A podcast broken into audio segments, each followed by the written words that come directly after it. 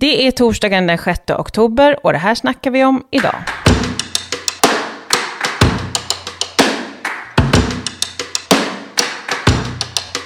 Priserna på mat bara stiger. Fastighetsägarna hotar med stora hyreshöjningar, elpriserna rusar och bostadspriserna sjunker. Och svenska folket är näst mest skuldsatta i Europa. Samtidigt rapporterar Röda Korset, Stadsmissionen och andra välgörenhetsorganisationer om hur de möter helt nya grupper av behövande. Människor som har jobb, men inga pengar. Med mig för att prata om inflationen, lönerna och politiken som kanske kan ta oss ur detta har jag med mig Sandro Scocco, chefsekonom här på Vänsterpartiets riksdagskansli. Hej Sandro, välkommen till podden. Tackar. Du brukar ju annars spela in en podd som heter Skockonomics. Vad är hisspitchen på den? Kul, trevligt ekonomisnack med Jenny Lindahl. Vi, vi skrattar ändå en del. Det gör ni. Och, ja, det, det, är ju så, ekonomi, alla får oftast någon så här stor suck och ett moln över huvudet när de hör ordet ekonomi. Men ja, det, det folk har sagt i varje fall att det är faktiskt hyggligt underhållande och att man lär sig någonting. Det, och, det är väl... och samtidigt också, ja, det är väldigt bra. Mm. Eh, jag, jag läste i DN faktiskt, någon kvinnlig konstnärinna som hade något stort porträtt. Och hon blev tillfrågad vilken podd lyssnar du på? Då sa hon Skokonomics, vilket jag tyckte var rätt sa, jag kan absolut ingenting om ekonomi, men nu kan jag rätt mycket. Det är allt jag har lärt mig av Skokonomics. Det var verkligen ja. Fint.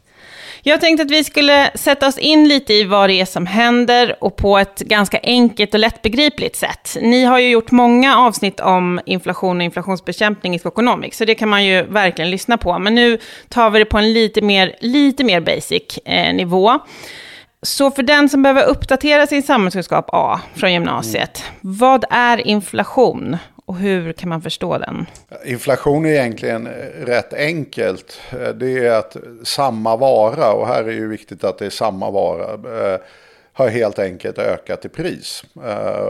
Och det är det som är inflation. Och förr i tiden har vi haft en hel del problem med det som säkert alla inser när man tänker efter. Vad är samma vara? Till exempel mobiler har ju liksom legat still i pris men har ju statistiken fallit i pris. Och det är ju därför att när den får en eh, kamera, ja, då är det inte samma vara längre. Och, så där. Så att, och det där kallas då kvalitetsjusteras på fikonspråk. Mm. Eh, men i princip är det det, samma vara. Och för många varor är det ju fantastiskt mycket lättare. Liksom 500 gram nötfärs är 500 gram nötfärs. Och stiger den i pris så är det inflation helt enkelt. Ja, det finns ju ändå en diskussion om vad det är som driver den här inflationen. Vad är det som gör att priserna då eh, skjuter i höjden på olika varor fastän det är samma vara? Ja, men modellmässigt så kan man ju säga att det, det är tre stora eh, källor till det här. Det ena är ju helt enkelt att kostnaderna för företagen stiger. Och då har man ju oftast tänkt att det är lönerna som stiger. Att när det blir dyrare att producera en vara, ja, men då måste liksom eh, företagen vältra över den här kostnaden på konsumenterna och då stiger priserna. Eh, det andra är att företagen ökar sina vinster. Det är ju samma sak. Därför då stiger ju också priserna. Om kostnaderna är samma, jag vill ha mera i vinst, ja då stiger ju priserna.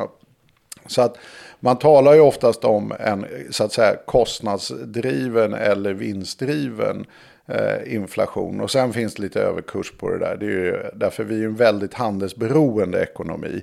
Så till exempel faller kronan, då blir ju allting vi köper i utlandet dyrare. Och då är ju det inflation. Och det gäller ju då här, svenska bilar till mm. exempel. Mm. Består ju av fantastiskt mycket utländska produkter. Så även svenskproducerade varor har ju ofta utlandsimporterade då insatsvaror som det heter. Mm. Det vill säga liksom, ja, instrumentbrädan eller mm. växellådan mm. kommer från Tyskland i bilen, även mm. om den är svensk. Mm. Eh, och så där ser ju de här så kallade värdeförädlingskedjorna ut idag. Det är ett himla handlande mm. innan man får en slutprodukt. Mm. Så att i princip är det de här delarna som eh, påverkar huruvida priserna stiger.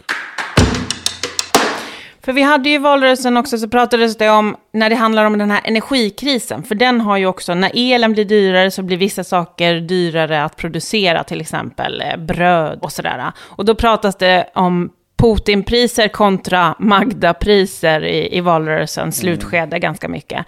Hur stor del har kriget i Ukraina en inverkan på den inflation som vi ser idag? Ja, men den har ju en rätt stor del. Därför det är ju det här då med kostnader. Och då ska man ju komma ihåg nu att hela systemet är ju riggat för att den faktorn egentligen handlar om löner. Mm. Men det gör det ju inte alls nu. Utan nu handlar det om energipriserna. Och då är det ju brett energipriser. Det är ju både olja och mm. gas och elektricitet och så vidare. Och att eh, jag, jag är ju lägret då, om man nu ska tala om Magda och Putinpriser, så mm. är ju det här Putinpriser. Och det mm. tror jag alla hyggligt seriösa inser. Va? Mm. Därför att det som har slagit igenom otroligt starkt i Sverige, det är ju liksom el som har stigit dramatiskt i pris. Mm. Och det har ingenting med oss att göra. Alltså, hela den här kärnkraftsdebatten är ju fullständigt mm. nonsens. Va? Alltså, Sverige är vet, Europas största elexportör. Mm. Det här lilla, lilla landet uppe i norr. Va? Mm eh, med 10 miljoner invånare. Utan vi har absolut ingen brist på el. Utan vi exporterar el. Men däremot det priset som vi exporterar till blir också det priset som södra Sverige får framför allt. Men även smittar lite uppåt norr, va? men framför allt södra Sverige. Mm. Och det har ju gjort att när priserna i Tyskland och Polen och så vidare har skenat. Då har det via elexporten också skenat i, vet, i Sverige. Och då blir ju allt dyrare. Va? Alltså el är ingen vanlig vara. Utan det är som du var inne på. Alltså, det behövs för att baka bröd, det behövs för att transportera, ja, bästa fall mm. en elbil. Men mm. annars är det ju bensin eller diesel som inte har varit heller billigare. Ja, men stora delar av industrin är ju väldigt beroende av liksom bra Alltså el är verkligen, alltså tittar man på sådana här liksom, liksom charts över liksom historien. Så hänger ju till exempel energikonsumtion och vet, ekonomi ihop som ler och långhalm. Va? Alltså Alltså, när ekonomin växer så växer också energiförbrukningen. Så att vi har ju el i allt helt enkelt. Va? Så att eh, det är såklart att det får en enorm effekt när en sån här helt grundläggande insatsvara för all produktion i praktiken stiger i pris. Och det, där kommer ju en hel del av prisökningarna då. Eh, det, det som är kruxet nu är att i den här modellen som man märker hur fruktansvärt genomsyrade hela västvärlden och Sverige är. Och inte minst Sverige och debatten utav ett helt sånt här fundamentalt marknadstänkande alla skolbok 1A. Mm. Att företag gör alltid liksom i balansläget nollvinster. Alltså de kan sköta mm. sina egna investeringar och så vidare. Va? Och de reagerar bara på prissignaler, nu mm. stiger priset. Marknaden som alla håller som uppfattningen. Ja men den gör ju bara vad den måste göra. Mm. Va? Vilket är, ja, den här debatten tycker jag, inte minst om man tittar på Aktuellt och Rapport mm. och liksom allting som finns och läser tidningarna. Mm. Är, det är liksom den ofelbara marknadstesen. Så det här måste ju bero bara på priserna. Mm. Men det som är helt uppenbart är ju att det inte gör det. Mm. Utan det här är ju en delfaktor. Mm. Men i det här läget så har ju också företagen på ett relativt dramatiskt sätt passat på att höja sina vinster. Och som vi var inne då på förut, mm. ja, men då kommer det, blir det ju ännu mera vet du, inflation. Va? Så snart går vi in i en ny avtalsrörelse. Mm. De löneökningar som skedde förra avtalsrörelsen var måttfulla, kan man väl säga. Minst sagt, Minst sagt. får man nog säga. Och eh, liksom, hur är det med den här väldigt eh, accepterade tesen om att eh, nej, men man kan inte höja lönerna nu, för att då spär man bara på inflationen. Nej men det är återigen det här med hur förhåller sig modellvärlden till verkligheten. Va? Alltså, det, det, är ju inte så, när, när, vi får en åtstramning som de här priserna innebär, va? Alltså när, när du måste lägga mer pengar på att ha drivmedel till din bil eller betala elräkningen för ditt hus och så vidare då blir det ju mindre pengar till all annan konsumtion. Det är en väldigt enkel mm. plånbokslogik så att mm. säga. Du, du kommer inte kunna handla lika mycket mat, du kommer inte köpa lika mycket Ikea-möbler eller vad du nu håller på att ägna dig åt. Va? Så, och det är ju det som blir en åtstramning på ekonomin. Och det, det leder ju i slutändan då till att köpkraften också, minskar. Köpkraften hos hushållen minskar. Därför de måste lägga pengarna på någonting annat, det här som har gått upp i pris. Va? Mm. Eh, och när du kombinerar då att hushållens liksom, inkomster, förutom då när de har betalat el och bränsle, har blivit mindre i sig, så har dessutom det de vill köpa, då, till exempel mm. mat, mm. dessutom gått upp. Mm. Så det är en väldig squeeze för hela hushållsekonomin. Och, och det betyder ju då att ekonomin är på väg ner. Eh, att man i det läget ser att vet du, vinsterna stiger är så långt ifrån skolboken man kan komma. Va? Eh, och nu är vi ju i det här problemet att Ja, vad gör vi då med lönebildningen? Va? Därför att jag skulle läsa även liksom Riksbankens utlåtande. De är en av de få aktörer som faktiskt har pekat på marknaden funkar nog inte riktigt som vi hade tänkt oss. Mm. Därför att lönsamheten stiger nu i näringslivet. I den här elaka riggningen vi har gjort nu så sköter sig ju egentligen löntagarsidan väldigt bra. Och bidrar inte till inflationen.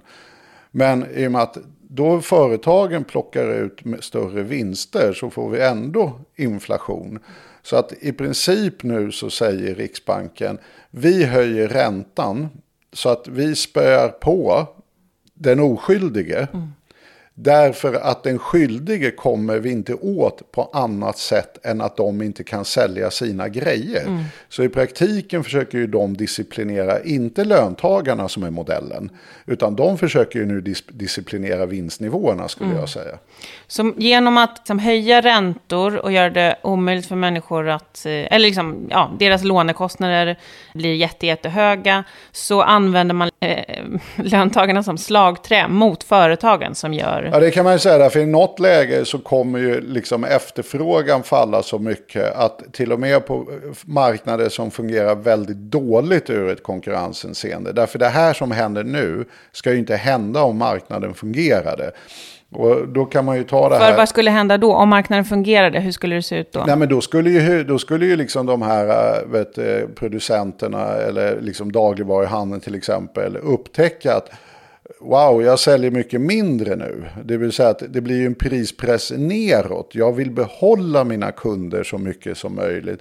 Så gör jag någonting så sänker jag ju priser. Jag börjar ju inte när jag upptäcker att mina kunder är mycket fattigare chockhöja priserna. Därför att då kommer ju de bara gå till grannföretaget som är smartare än vad jag är och fortfarande intresserade av kunder. Så den där som höjer priserna blir av med alla sina kunder och därmed sin verksamhet och så vidare. Så skulle det ju funka om, om en aktör betedde sig på marknaden. Att då skulle ju all liksom, efterfråga hamna hos den andra mm. äh, aktören. Mm. Och, men uppenbarligen funkar det inte så. De är inte så rädda för den, den läskiga andra aktören. Mm. Och det är ju det vi också kallar då för ICA-flation. Mm. Att eh, idag har vi ju stora marknader som är jätte, jätteviktiga för hushållen. Som till exempel bolånemarknaden. Mm. Jag har drivit eh, under många års tid en tes om att Eh, bankerna har ju mer eller mindre rånat de svenska hushållen. Va? Därför de räntemarginaler man tar ut i vinst på bolånen är, det finns inget sakligt argument varför de skulle vara så höga. Va? Utan det är grova övervinster enligt mig. Och då är det ju så här, varf, varför kan de då göra det här? Jo, därför det finns några dominerande aktörer som på fikonspråk ingår i någonting man kan kalla för strategisk interaktion. Va? De, de är inte monopol, men de kan ju se sen, ja, men nu låter Handelsbanken bli, bli att sänka räntorna när räntorna går ner. Då kan jag också göra mm. det. Så de sneglar på varandra. De sneglar helt enkelt på varandra. Va? Och det kan ju också ICA göra. De kan snegla lite lätt på Sabis eller Valid. Alltså det, det, är så få aktörer så att de håller koll på varandra. Och det, det skriver ju Riksbanken rakt ut att nu när folk har fått ett legitimt skäl att acceptera prishöjningar. Därför mycket av det här är ju psykologi och hushållen ska acceptera. Och så. Ja, men, nu kan man ju säga det. Nej, men det här beror ju på kriget i Ukraina. Nu måste jag höja med fem spänn. Och då visar det sig att två spänn beror på kriget i Ukraina och tre spänn därför jag tycker att det är roligare att göra större vinst. Mm. Och jag, jag, tycker den här situationen vi har hamnat i eh, verkligen highlightar hur illa eh, marknaden och konkurrensen fungerar på många ställen. Eh, White, eller White, Vita huset på svenska, alltså det här Vita huset som finns i USA, mm. gav ju ut en rapport bara för ett halvår sedan och sånt där. Där de tittade på internationella transporter. Och där har ju då vinsterna tokskenat. Va? Eh, och det är ju för att de kan utnyttja läget. Mm. Eh, efter pandemin så var det lite efterfrågeproblematik och utbudsproblematik.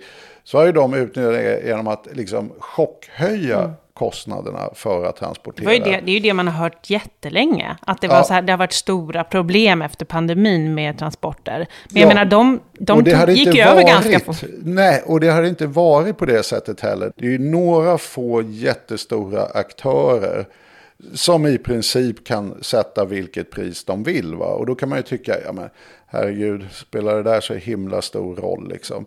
Ja, de räknade ju fram, och det här skulle jag gärna vilja se, vilket jag tycker är jättetråkigt med den svenska debatten.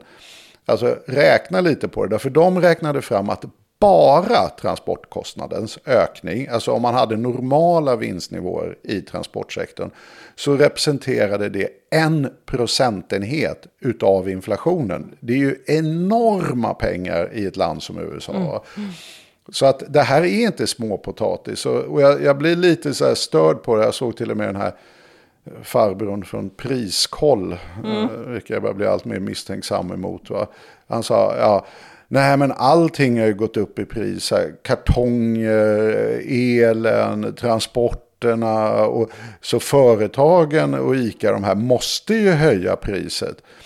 Ja, det är ju ett sätt att se på det. Ett, ett annat sätt att se på det är att det har blivit chockhöjda vinster i transportsektorn. Jag har ingen aning om hur det ser ut i förpackningsindustrin. Nej. Men jag skulle gärna vilja veta. Mm. Här, här tycker jag att det är, inte minst nu när Riksbanken faktiskt själva lyfter frågan. Ja, men låt oss ta reda på det är. Tittar vi till exempel på, på matsidan. Så mycket av de här, därför Ukraina är ju till exempel en av de absolut största exportörerna av vete. Så att det är såklart att det blev lite High Chaparral mm. när liksom det blev krig i mm. Ukraina på Och Ryssland vetesidan. höll liksom gisslan ja, stora. Exakt. Mm. Och, så att, men nu har ju alltså de priserna har ju alltså fallit ner till pre, ja, ja, mm. Ukraina-priser. Mm. Och, och det är ingenting man ser i matvaruaffären. Va? Så att det är väldigt mycket som pågår nu. Och det finns all anledning att titta på vad just som pågår. Men det är såklart att det kommer bli otroligt för att, ja nu gjorde jag det här vanliga tricket, en lång utläggning men landar faktiskt oftast på fötterna i slutet på frågan. vad betyder det här då för lönebildningen? Mm ja, det kommer att bli jättesvårt att sälja. Just ni, när inga andra aktörer beter sig anständigt i systemet, ska ta hela smällen. Mm. Alla andra ska få täcka upp sina kostnader, men inte löntagarna. Nej, och då måste man komma ihåg återigen den här grundläggande modellen, vilket det också har blivit sådär helt urholkad, va? men som är den modell egentligen alla förhåller sig till. Va? Det är att Lönerna ska ju liksom vara en bottenplatta i ekonomin. Vi ska inte ha så kallade konjunkturlöner. Va? Och de ska inte relatera till vinstnivån. Utan man gör sina löneförhandlingar som ska vara förenliga med inflationsmålet. Och då kan man säga att har vi ett inflationsmål på 2% produktivitet på 1,5% då nominellt, det vill säga det du ska få, är ungefär 3,5% i löneökningar varje år. Den där ska ju rulla då över åren. Sådär, va? Och sen så ska ju konjunkturen leda till att vinsterna blir lite liksom väl feta i högkonjunktur. Men blir lite väl magra i liksom, eh, lågkonjunktur. Så att det är, det är vinsterna som ska gå upp och ner. Det är ju så hela systemet är riggat va, med konjunkturen. Och lönerna ska ligga som en eh, bottenplatta i ekonomin. Men man märker ju att tänket nu börjar likna någonting helt annat. Att Företagen måste skydda sina vinster så de ska ligga på en väldigt hög stabil nivå. Och konjunkturen ska hanteras av lönerna som går upp och ner. Och då kan man ju tycka, det där är väl bara sådär bråk mellan arbete och kapital. Liksom. Alltså, löntagarna blir sura och kapitalet blir glada om man har den modellen. Va?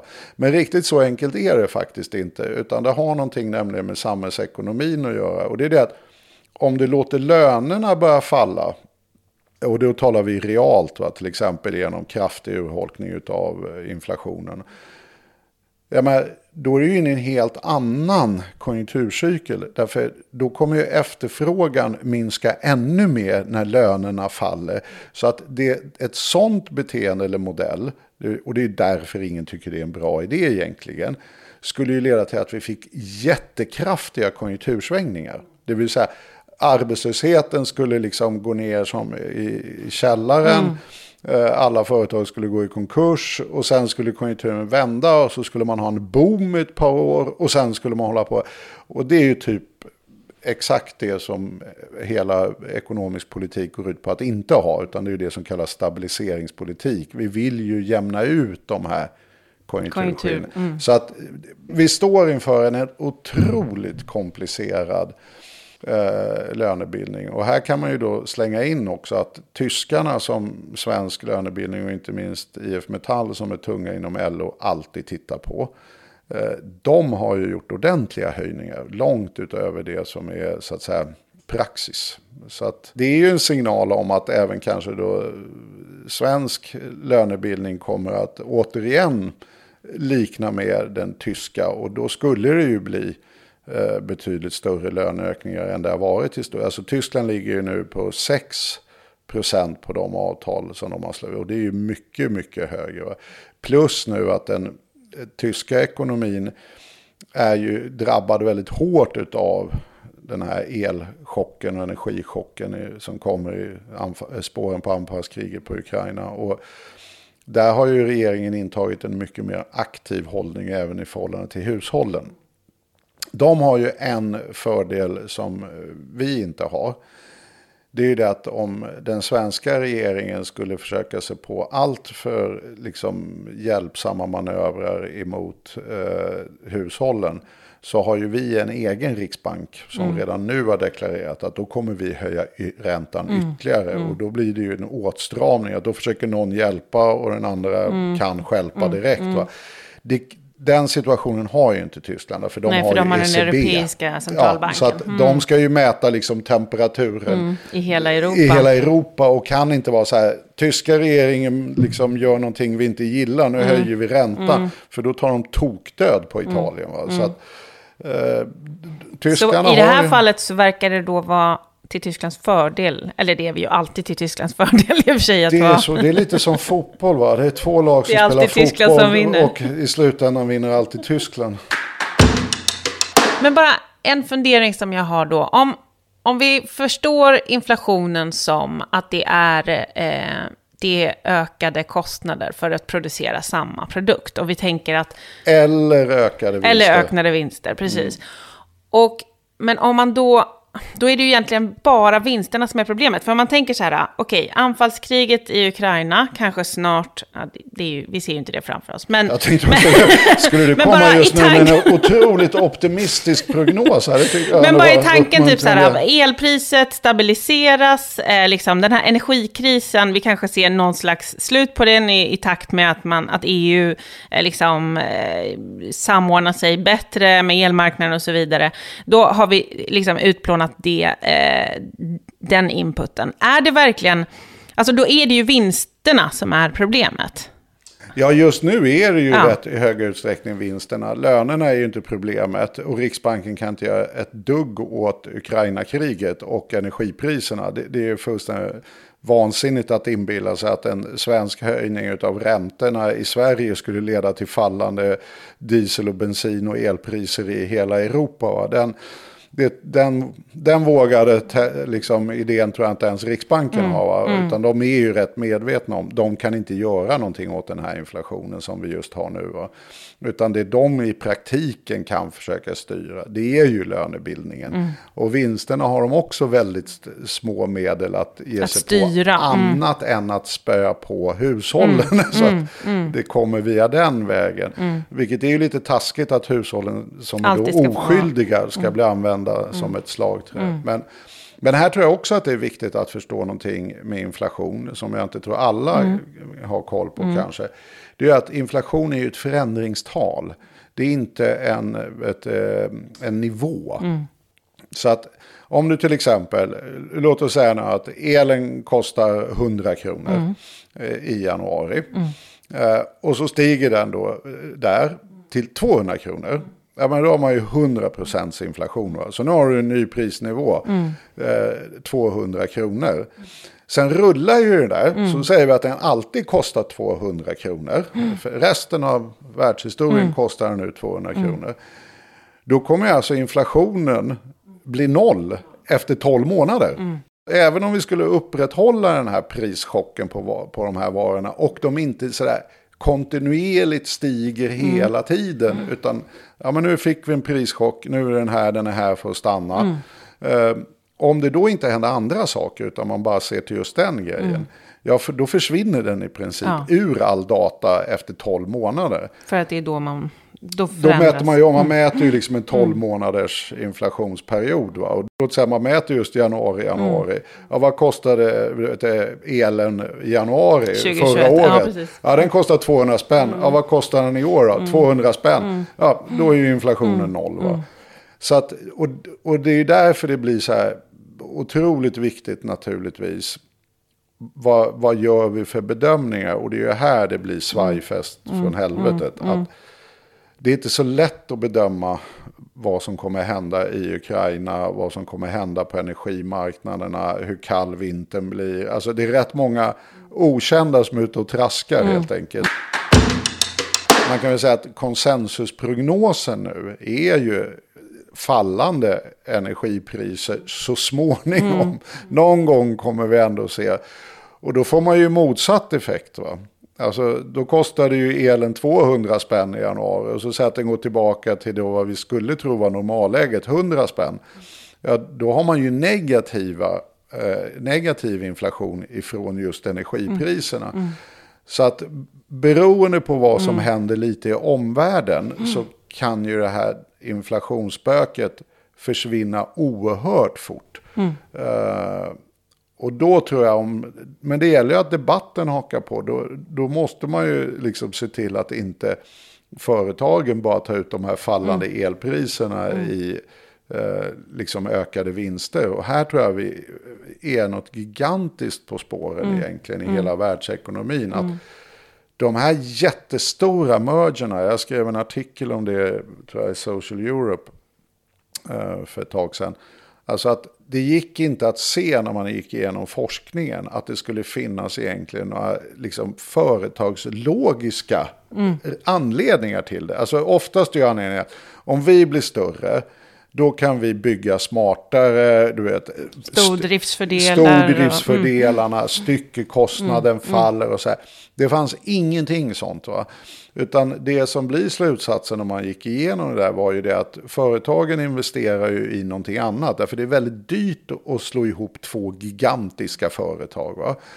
Och det man investerade i, blev min slutsats, är ju vet, makten att kunna sätta priset. Mm. Därför det är sjukt lönsamt. Om du inte kan göra bilen billigare, va, eller vad du nu gör, va, eh, då är det ju jätteintressant att kunna påverka priset. Och det är ju det som egentligen är hela mm. grundtanken mm. med marknaden. Mm. Att en enskild aktör ska inte ha någon som helst möjlighet att påverka. Mm. Och det ser vi ju nu, och det var väl det som var hela White House-rapporten. Mm. att Mäsk och sådana. De här liksom stora här, som alltså, har bara blivit större och större. De är ju gigantiska nu. Alltså, du vet, det är några få bolag som kon kontrollerar hela liksom, den internationella transporthandeln. Va? Eh, och det är såklart att de påverkar priset. Va? Vi har ju samma problem inom dagligvaruhandeln med ICAs dominerande ställning och sen att det bara finns några till. Vi har samma problem inom bankerna. Vi har exakt samma problem i byggsvängen med några få dominerande. Alltså du vet på område på område nu har vi låtit det här nyliberala paradigmet som vi har haft i 40 år härjat fritt. Vilket gjort att istället för att hamna i de nyliberalernas marknadsdröm har vi hamnat i någonting som allt mer börjar likna en privat planerad ekonomi där företag har oligopol eller monopolställningar. Va? Och det tror jag är... Och samtidigt som vi, eh, när vi pratar om politiken, pratar utifrån ett idé om hur marknaden fungerar. Så det krockar ju hela tiden. Det är det jag menar. Det är det här, den här debatten om inflationen tycker jag visar hur genomsyrade vi är av den här nyliberala föreställningen att alla företag är bara pristagare. De kan inte påverka sina vinstmarginaler. De det är lever, uppenbart att de gör det. Det, liksom... lite mm. väl mm. uppenbart kan mm. man nog säga. Och det, det, det är på område efter område som man nu verkligen kan ifrågasätta hur väl fungerar den här marknaden egentligen. Alltså, och, och då hamnar vi i den där problematiken att då sätter vi ju hela den här modellen ur spel. Va? Att ja, men då kan ju företag höja vinsterna i, i lågkonjunktur. Mm i dagsläget, hur skulle en liksom realistisk och ansvarsfull ekonomisk politik som i det här läget då inte spär på inflationen utan snarare liksom minskar den, hur skulle den se ut? Nej, men ett tror jag, liksom, staten skulle ju behöva skaffa sig bättre kontroll över hur priserna sätts i ekonomin och försöka reda ut liksom, de här avarterna. Mm. Det var ju, Sverige har ju blivit även politiskt eh, och liksom ideologiskt ett så nyliberalt land. Så vi är ju liksom lite sist på bollen i alla sådana här frågor. Alltså, så att i USA är ju till exempel det är en mycket, mycket livaktigare diskussion om Alltså vad är det för monster vi har byggt mm. under de här 40 åren och, och fungerar det verkligen? Jag tror inte, om man inte följer den internationella debatten så kan man ju olyckligt tro att all debatt ser ut som den svenska. Va? Den här otroligt fortfarande marknadsfundamentalistiska liksom, föreställningsvärlden. Men det gör den verkligen inte. Va?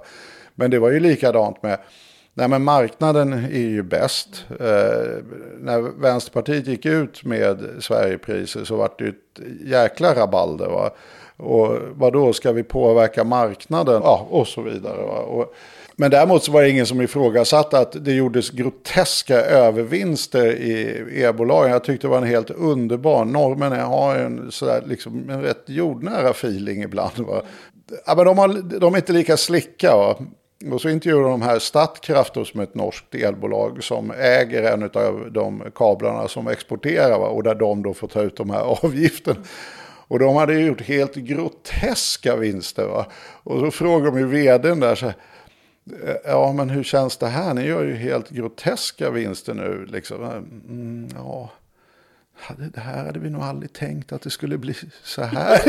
ja, men det, var liksom, det var inte direkt klackarna i taket, jag ska köpa, köpa en superjott nu, utan det var rätt ursäktande. Mm. Att, så här, mm, det här ser inte bra ut, är nog inte bra, är rätt konstigt. Liksom så här. Borde inte staten ta de här äh, sjuka övervinsterna som inte har någonting med er att göra? Ja, kanske kanske det. Ingen dålig idé. Jag vet inte, ska vi verkligen ha... Nej, men det var väldigt svajigt mm, sådär. Mm. Där man kan tänka sig då en svensk energichef mm. hade väl bara varit så här, det här är en marknad, mm. det är marginalprissättning, mm. mm. vi säljer till högstbjudande, mm. mm. Ja, men det speglar nog lite olika kulturer. Men där är det ju återigen vi som är absolut sist på bollen. Va? att EU till och med då, som ändå är, får man ändå säga, lutar åt höger, mm. får man väl ändå konstatera. Mm. Nej men de går direkt igång så här, nej men vi måste beskatta mm. övervinsterna. Mm. Mm. England som är världshistoriens mest nyliberala land, nej men det här är orimligt, vi måste beskatta. Medan i Sverige så är det så här, vi, vi måste tryckas på den föreställningen utifrån. Va? Mm. Och sen när, när, liksom, när EU har bestämt att nej men nu måste vi ju verkligen göra någonting där, därför folk håller ju på att gå under. Mm. Va? Och då vaknar den svenska regeringen. När beslutet redan är taget så säger mm. Magda, jag ska rensa min, min kalender från icke-planerade möten, eller vad det nu var. Ja, och ordna det beslutet som redan var fattat. Uh, och det, mm, det, säger väldigt mycket om... Det liksom, säger väldigt mycket om Sverige faktiskt. Senfärdigheten. Alltså, mm. vi, vi har blivit på något sätt en den, den sista nyliberala landet i mm, världen. Mm. Eller, det, eller i alla fall det näst sista, om man ska titta på, ni gjorde ett helt avsnitt om det av Skokonomics förra veckan, men eh, liksom den här nya eh, premiärministern i Storbritannien lägger fram ett liksom helt, mm. alltså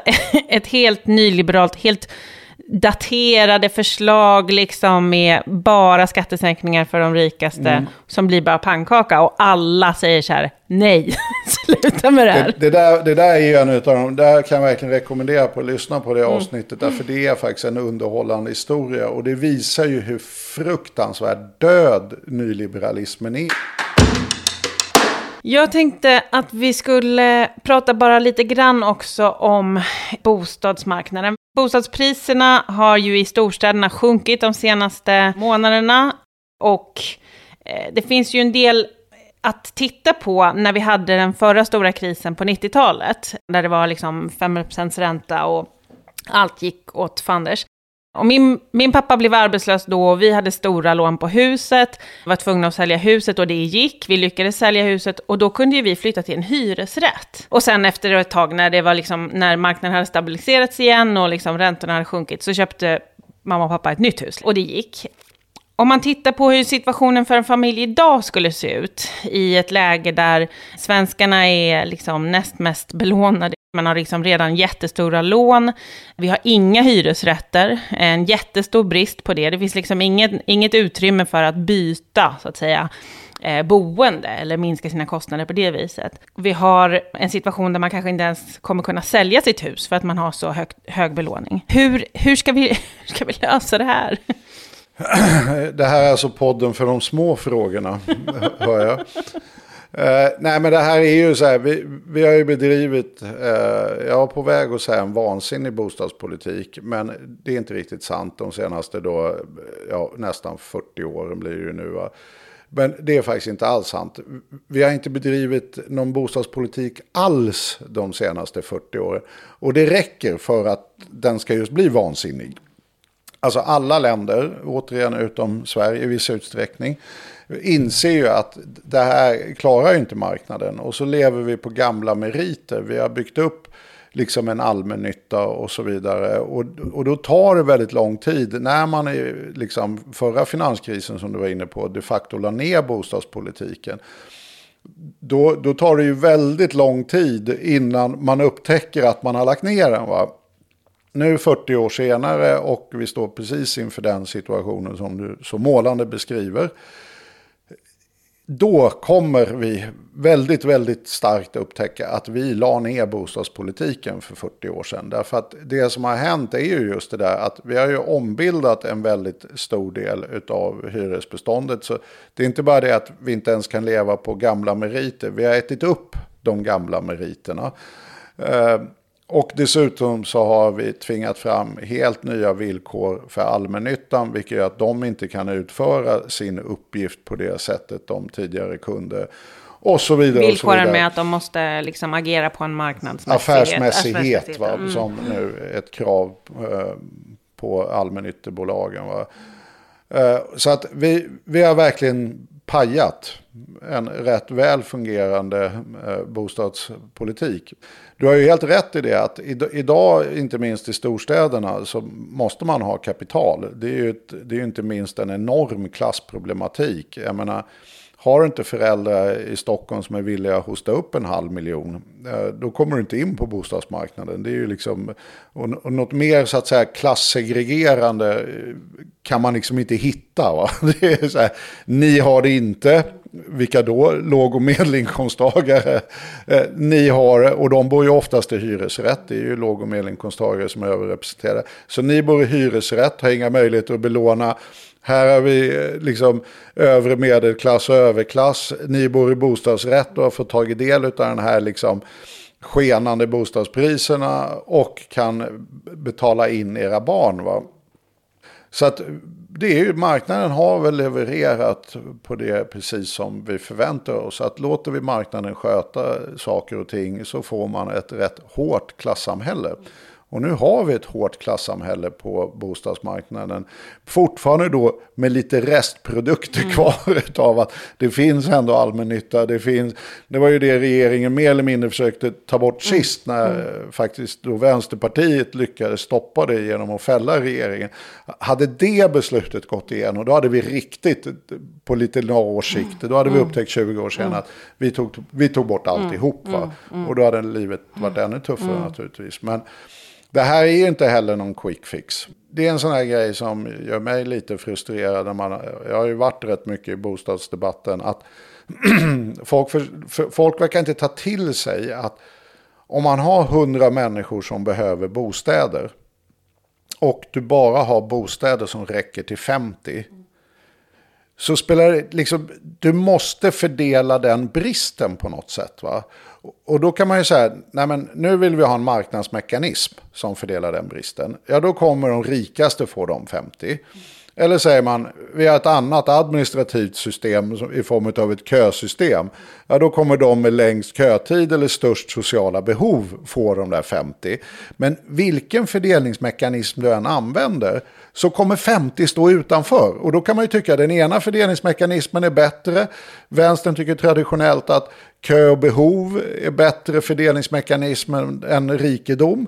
Eh, men den grundläggande insikten måste liksom vara det är fortfarande 50 som står utanför och faktiskt enligt FNs mänskliga rättigheter är bostaden en mänsklig rättighet. Det är ett sånt fundamentalt misslyckande för en stat att inte kunna leverera bostäder till sina medborgare. Och, och, här är det ju så, vi måste ju dramatiskt höja bostadstakten. Det som sker nu är att den faller. Mm. Och det är ju det vi har sett. Vi har ju sett ett liksom boom och bust-beteende på marknaden. Och då skulle då marknadsfundamentalister, de skulle säga, ja men det är väl inget problem. Jag menar, ibland går det upp och ibland går det ner. Va? Det, de brukar ju, det talar man till och med om både när det gäller finanskrisen och svenska 90-talskrisen. Det, det, mest eufemistiska omskrivningen av någonting som är fruktansvärd katastrof, det är nu sker en marknadskorrigering. Och det är lite så här, ja. och jag dog i den här lilla marknadskorrigeringen. det, var, det var så det blev för mig. Jag ja, det var så det. blev för mig. jag dog. Men tack för marknadskorrigeringen. Ja. Eh, men även, även om man nu har den inställningen till tillvaron så finns det ett grundläggande problem. Det är det att befolkningen växer. Och de här boomen bust-perioderna så blir aldrig boomperioderna tillräckligt så långa stora. och höga mm. för att vi faktiskt hamnar i den där situationen att vi har hundra människor och 100 bo eller bostäder mm. till hundra mm. människor. Och det gör ju det att du bygger upp över tid ett kontinuerligt underskott. Va? Och som förvärras över tid över de här mm. boomen bust-perioderna. Och nu mm. är vi väl, det är väl en överhängande risk nu att vi är på väg in i en bastperiod. Va? Det är väl väldigt mycket som egentligen tyder på det. Va? Och då kommer vi, precis som på 90-talet, se att bostadsbyggandet går ner.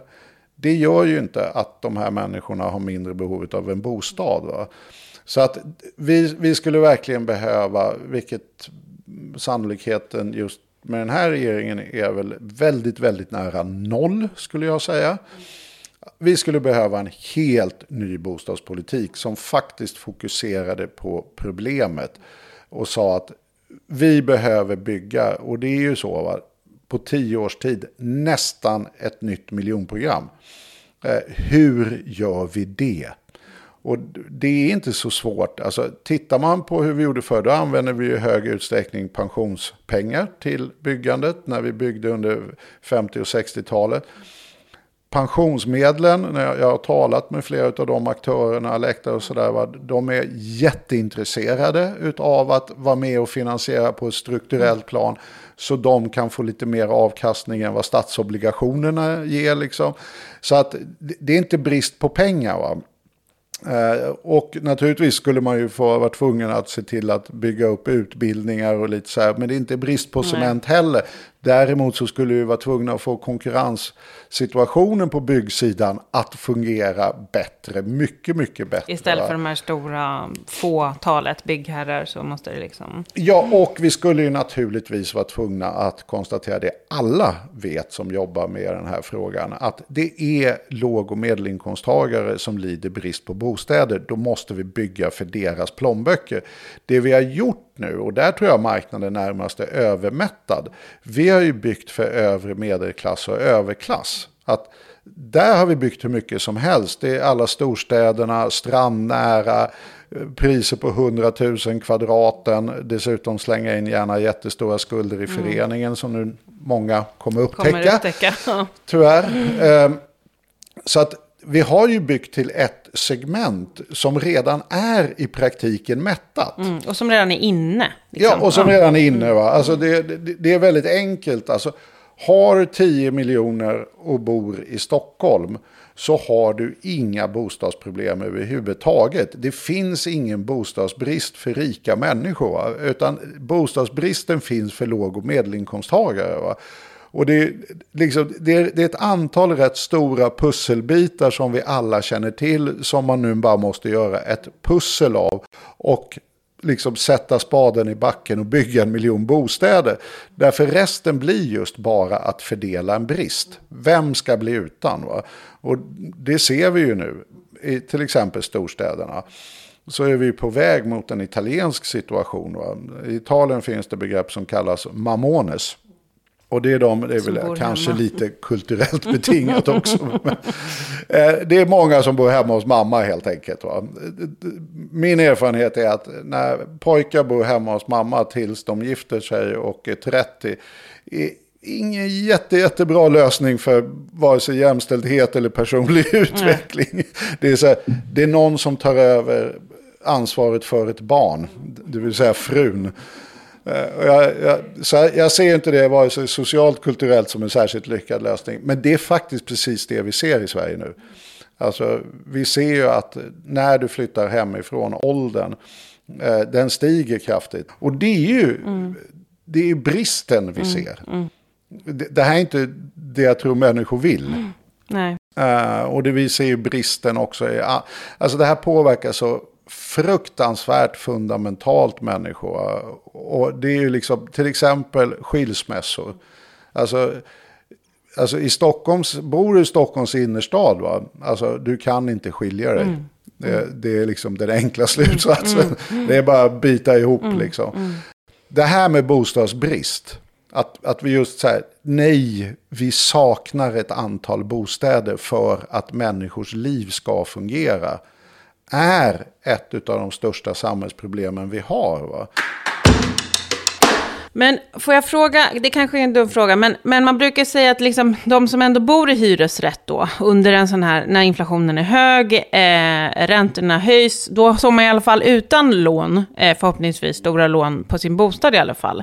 Eh, men nu ser vi också hur eh, fastighetsägarna vill liksom behålla sina vinstmarginaler och därför höja hyran eh, på ett sätt som, som ju skulle betyda ganska mycket. Och alltså, vi ska vara verkligen glada över att vi stoppade marknadshyrorna liksom, i det här läget. Ja, jag såg ju Erik i debatt med fastighetsägarna eh, som jag har haft kontakt med tidigare. Från Hyresgästföreningen. Från Hyresgästföreningen. Mm.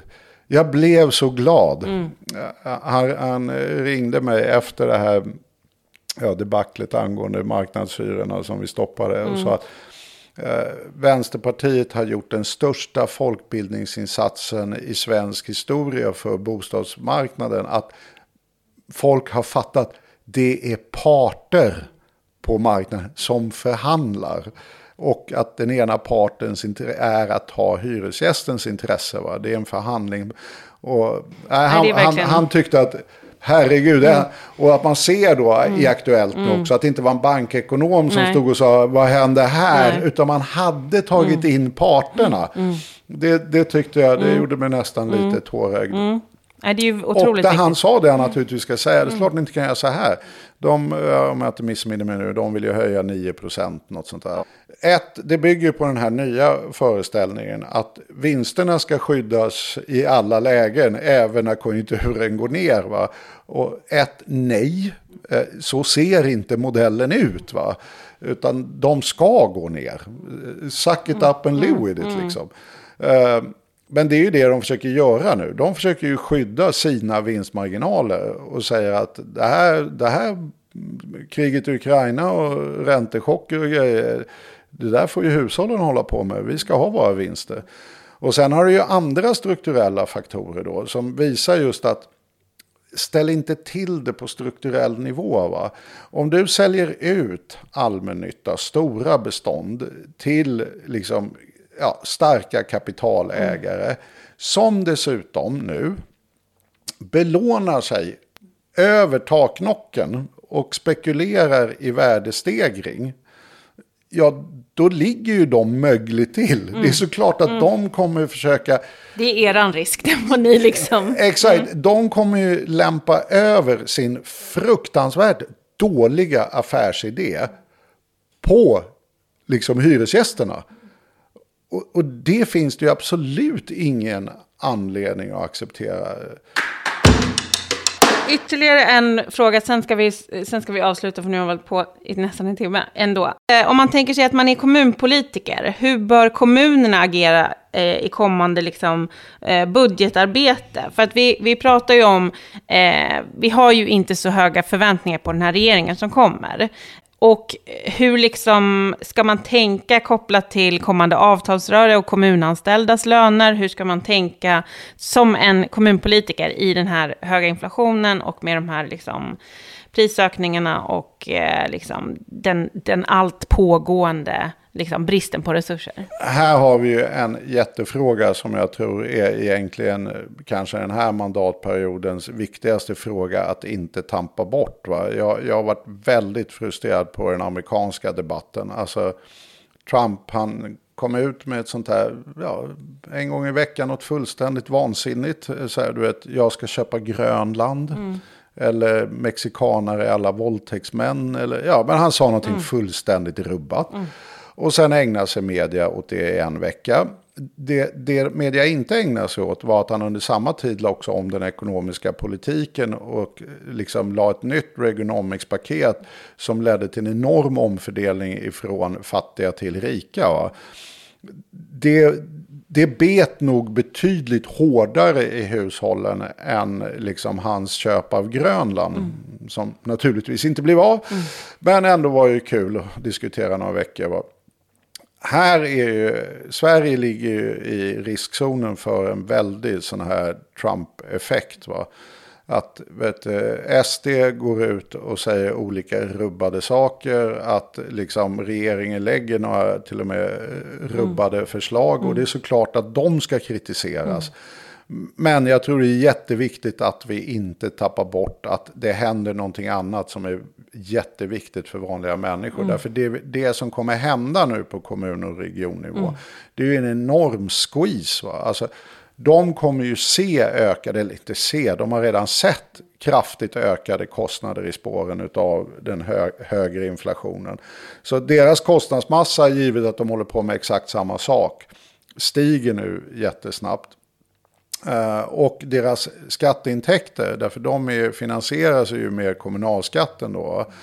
Liksom kommunal mm. och regionskatten. Mm. Uh, där kommer ju skattebasen minska. Det, det, finns ju inte någon prognosmakare som inte nu tror att arbetslösheten stiger och så vidare. Va? Så att du, du kommer ju inte få ett skatteunderlag som växer i takt med de här kostnaderna, inte i närheten. Va? Och då finns det ju egentligen bara en lösning och som är en fruktansvärt klok konjunkturpolitik eh, och som inte har några som helst inflationseffekter Eh, som då inte ens Riksbanken kan bli grinig över. Eh, och det är ju att höja statsbidragen dramatiskt. Alltså, i det här läget som vi förmodligen är på väg in. För att vi inte ska få jättestora nedskärningar nu i kommuner och regioner och då ska vi säga att utgångsläget är inte lysande. Va? Mm. Utan det är ju redan rätt anorektiska organisationer. Vi vet ju efter coronakommissionen hur det ser ut inom äldreomsorgen. Vi vet alla brister och stress och så vidare som finns inom sjukvården. Så att det här är ju, och inte minst skolan behöver en upprustning. Så att det är ju kärnverksamheter som redan är underfinansierade. Va? Som nu kommer stå inför jättestora nedskärningar.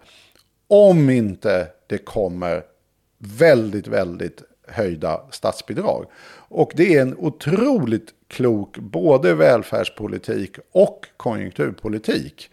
Därför det är ju så att säga, bara för att vi får ha en bra sjukvård eller bra äldreomsorg så händer ju ingenting med priset på eh, liksom ananas eller ja, vad det nu kan vara. Mm. Så att här finns det väl all anledning att befara att just det kommer inte hända. Eh, och då sitter ju alla som sitter i styrande, faktiskt, oavsett om de är borgerliga eller liksom rödgröna, kommer ju sitta i en otroligt jobbig situation att administrera neddragningar i en redan underfinansierad verksamhet som de inte kommer kunna göra någonting åt om inte regeringen hjälper till. Uh, För att höja skatten i ett sånt läge är ju också otroligt svårt. Ja, dessutom så är det ju några som nog, och det är ju de regioner inte minst som har det tuffast. Vi har, om man tittar till exempel på skogslänen och jämför det med eh, storstäderna. Du har ju en skattediff på uppåt 6 kronor redan idag. Alltså de regioner och kommuner som kommer råka värst ut av det här. Mm är ju inte de kommunerna som lätt kan höja skatten. Jag menar, vi talar inte om Danderyd så att säga. Va? Och de kommer dessutom inte råka värst ut. Va? Så att eh, jag, jag, tror att det kommer att bli tufft. Alltså vissa kommer ju kunna naturligtvis höja skatten för att kompensera. Men för många kommuner så är ju det väldigt tufft. Och vi vill inte heller utav andra skäl se den här skattediffen öka. Vi, vi vill inte gå från redan nu. Va? Jag menar, så som återigen, jag envisar alltid med, det finns faktiskt modeller hur man ska tänka kring saker och ting och hur staten har tagit på sig att tänka. Och då är det kommunala utjämningssystemet som, som finns ska ju se till att alla skattediffar beror bara på kvalitets och effektivitetsskillnader. Så vill en kommun ha eh, en, en barnomsorgspersonal per barn, ja men då får de betala mer skatt. Eh, och sådär. Va? Så att, och det, det finns noll rimlighet i att påstå att de här sex kronorna beror på kvalitetsskillnader. Tvärtom är ju ofta servicen och kvaliteten vet, snarare sämre i de här regionerna. Därför de har ännu sämre förutsättningar att bedriva en effektiv verksamhet. Större avstånd och så vidare. Va? Och du får ändå längre till. Så att kommunmedborgarna upplever nog inte till exempel i, i Norrbotten att de har mycket bättre offentlig service än vad en stockholmare gör. Eh, som har ett drös med sjukhus bara i innerstan. Liksom. Eh, så att det här är ju en jätteutmaning och, och jag, jag, tror inte lösningen är att vi ser ännu större spridning på liksom, kommunalskattesidan. Mm. Utan här måste, här måste helt enkelt staten kliva in. Mm. Och det är egentligen en rätt självklar politik att göra. Uh, men här konkurrerar vi mycket annat som mm. den här regeringen mm. vill göra. Bland mm. annat att sänka skatterna. Sänka skatterna. Uh, och, och det är det här there are no free lunches som man brukar säga. Va? Och här är det verkligen mm. så. Mm. Det, det, det, kommer bli väldigt, väldigt spännande mm. att se vad, vad faktiskt, vad mm. de ska hitta på. Mm. Men eh, jag kommer titta på statsbidragen väldigt nogsamt. Uh, och här tror jag, om man nu talar om vad behöver kommuner och regioner göra. Jo, men de måste ju se till att det här blir känt. Mm. Jag menar, oavsett om man är en höger eller vänster mm. regionkommun mm. mm. så är det så här, hallå, mm. det här fungerar, jag säger mm. upp personal nu. Och då kommer ju regeringen göra det alla regeringar gör. Va? De kommer ju peka på kommunerna. De säger, ni är ineffektiva eller ni eh, slösar Vi måste effektivisera. Ja, exakt. Va? Och, så mm. och där, det, det där tror jag är en problemformuleringskamp. Va? Alltså, det går inte att trolla med knäna som kommun och region. Och det budskapet hoppas jag blir rätt tydligt från kommuner och regioner om de tvingas in i den här situationen. Mm. Och med det så tackar vi för idag, eh, helt enkelt. Du har lyssnat på ett långt avsnitt om inflationens orsaker, om vad det är som driver prisökningarna och varför företagen anser sig kunna göra hur mycket vinst som helst trots att inflationen ökar. Vad tycker du att vi ska prata om i kommande avsnitt? Gör som många redan gjort sin tradition. Skicka in ditt förslag på ämne till podd och det ska vara podd med två D. Ha en trevlig helg.